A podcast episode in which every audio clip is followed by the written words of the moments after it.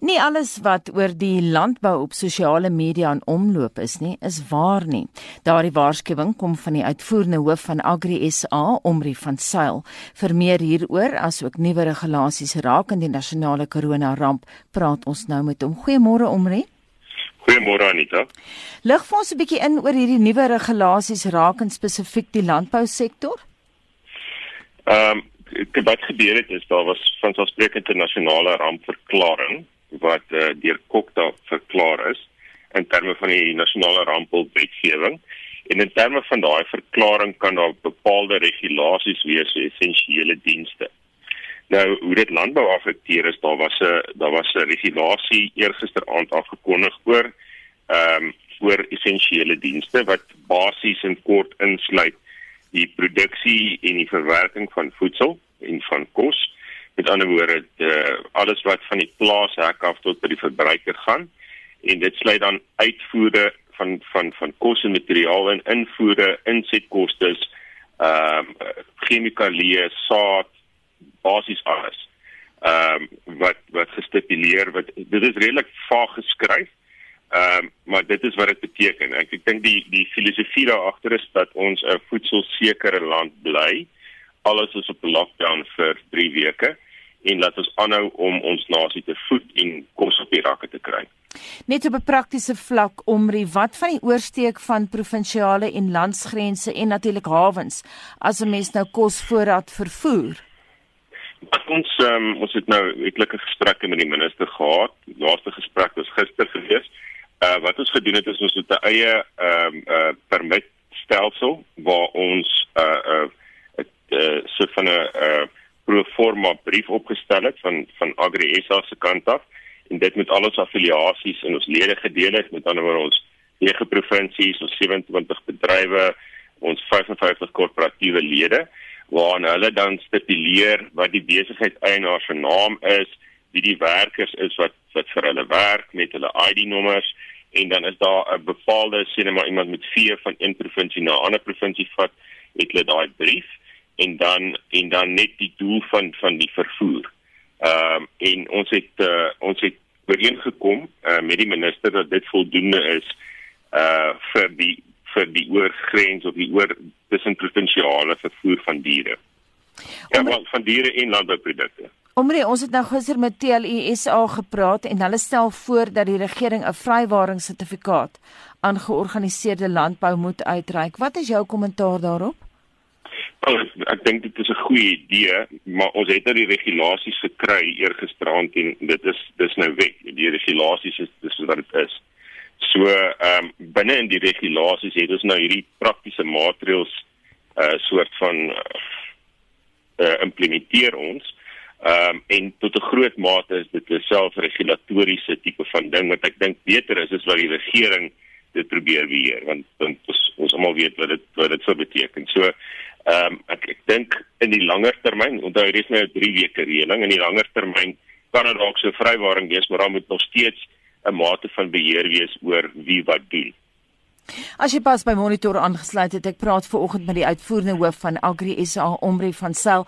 Omri, ons sê dit herhaaldelik op monitor, maar dit is ook uh, ons plig om mense ingelig te hou en ons kry ontsettend baie navrae op ons SMS lyn hier oor oor mense wat wil weet of daar genoeg kos gaan wees. Ons het nou ver oggend musiek ingespeel van Suid-Afrikaners wat aan hulle landgenote sing en sê met die uh, sing met die boodskap moenie paniek aankope doen nie, maar tog mense hou aanvra, het ons genoeg kos? Benny Annie van Sail het gister op monitor gesê die silo's is vol en produksie gaan volstoom voort voort. Mens kry die idee dat die landboubedryf soos die media daardie punt herhaaldelik wil maak om mense gerus te stel of hoe?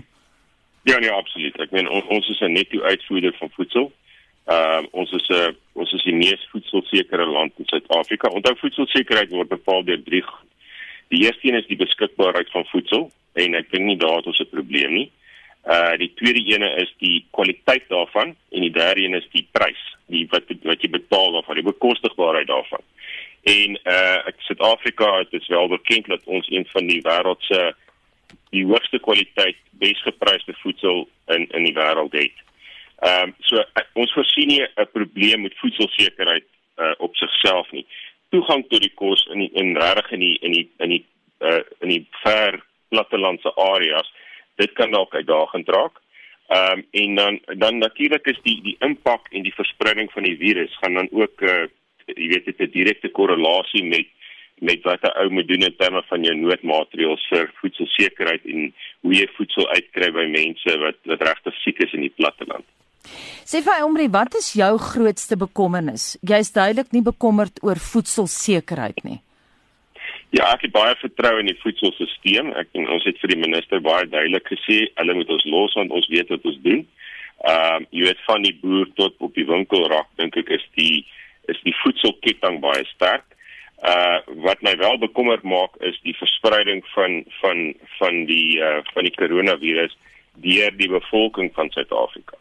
Uh ons het nou gekyk wat gebeur in Italië en in en in Frankryk. Ek weet Frankryk is nou nog vir, vir nog 3 weke afgekordon. Ehm um, omdat daar nog nie voldoende beheer is nie. Hmm. Maar ons het in Suid-Afrika uh, miljoene mense wat wat regtig baie lae weerstandsvlakke het. Jy weet in terme van mense wat HIV het of TB het of verskeie ander siektes het. En uh dit jy weet is 'n is is regtig problematies want daar's 'n groot konsentrasie mense ook in in baie van die van die soos in Mamelodi en in in Soweto en Soshanguve en in Kalicha waar die waar die siekte baie vinnig oorgedra sal kan word.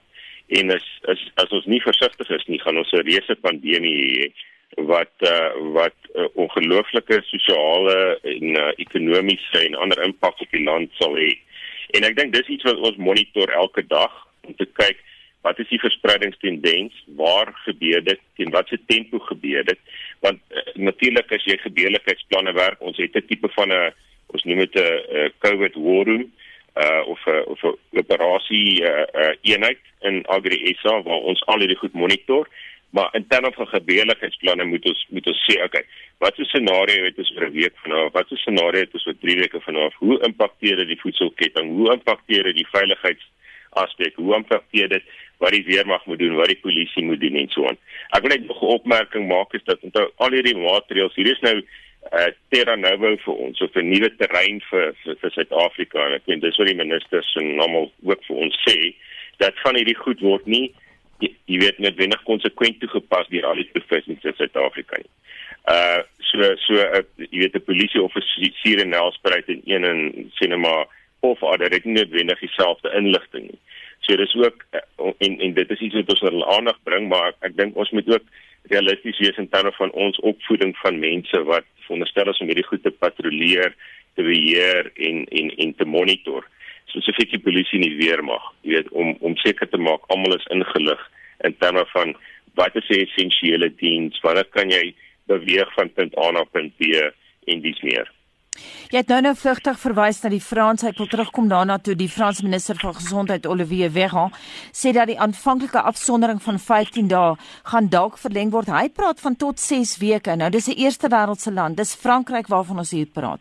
Dink ja. jy die afsonderingstydperk hier in Suid-Afrika gaan ook verleng moet word? Ons het nou 900 gevalle. Ja, ek ek jy weet die probleem met hierdie virus is dit dit, dit hy versprei eksponensieel. Ehm um, So ek op hierdie stadium kan ek nie sê ja of nee nie, maar ek dink daar's seker die waarskynlikheid is seker redelik hoog dat dit kan gebeur. En wat sou julle beplanning wees in terme van so 'n soort scenario? Ek vir, vir van van 'n landboukant af, ehm um, jy weet is daar 'n paar elemente, die een, een element is van ons selfstreek in die die ware ketting wat wat wat in stand moet bly. Die tweede element is daar's daar's ons het 'n baie groot arbeidskomponent. Ek in primêre landbou sit ons met 9 850 900 000 werkers. Sekondêre landbou en seker nog so 600 dis so 1.5 miljoen werkers en hulle gesinne is afhanklik van primêre en sekondêre landbou wat wesentlik is. So die impak wat dit sal hê dan op op arbeid is iets wat ons sal moet monitor. Ehm um, en dan die die die die totale impak op die ekonomie. Jy weet want vanselfsprekend as dit vir sien maar 6 of of 9 weke almal onder kwarantyne is, dan is daar minder kontantvloei in die ekonomie. Daar's daar daar's minder ehm um, daar sal mense wees wat definitief besighede en mense wees wat wat uh, wat uiterste probleme gaan hê met kontantvloei en en met likwiditeit.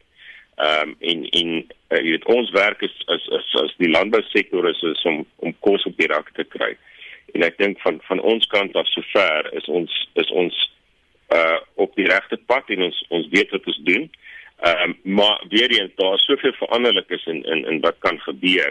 En die ander ding wat ons doen is ons ons monitor wat hulle doen in in in Europa, Amerika, uh Australië van 'n van 'n landboukant af om seker te maak ons maatreëls is in plek en ons adviseer ook die ministers uh in daai opsig.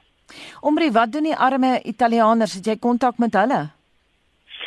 Nee, nee, ek het nie kontak met hulle nie. Ek, ek volg maar wat gebeur daar op sosiale media. Die, die Italiaanse bevolking is 'n baie gekonsentreerde gedeelte, veral in die noorde, Milan, Rome ensovoorts. En hulle is seker die oudste bevolking in Europa. Ehm um, en hulle het aanvanklik hulle nie eintlik veel gesteer aan die aan die maatreëls wat afgekondig is. En ek dink dis daai eh, dit het veroorsaak dat die die siekte of die uh virus ontsettend vinnig versprei het daar tot so 'n mate dat hulle uh mortaliteitssyfer die hoogste is in die wêreld. Jy weet dat jy hulle gebruik ijskaatsbane as uh jy weet om om van die lyke in te bære en sulke goed is 'n totale totale nagmerrie daar. Ehm um, en en ek dink ou moet leer uit dat hulle wat hulle verkeerd gedoen het en dit is die die handhawing van die maatreëls wat afgekondig is met baie streng plaasvind. Ehm um, en, en laat ons nie daar uitkom nie. Want want die want die probleem met Suid-Afrika is in 'n plek soos uh, in Europa kan jy nog tot 'n mate kan jy nog jy weet dit beheer, maar in Afrika gaan ons 'n baie groter probleem hê. Jy weet nie net Suid-Afrika nie, ons buurlande en verderop uh dit sal 'n totale nagmerrie wees as die siekte tot daai mate versprei. Want dan het jy 'n totale geopolitiese probleem met uh, seker 150 miljoen mense in in Suider-Afrika uh wat potensieel blootgestel kan word. Baie dankie en daai waarskuwing kom van die uitvoerende hoof van Agri SA Omri van Sail.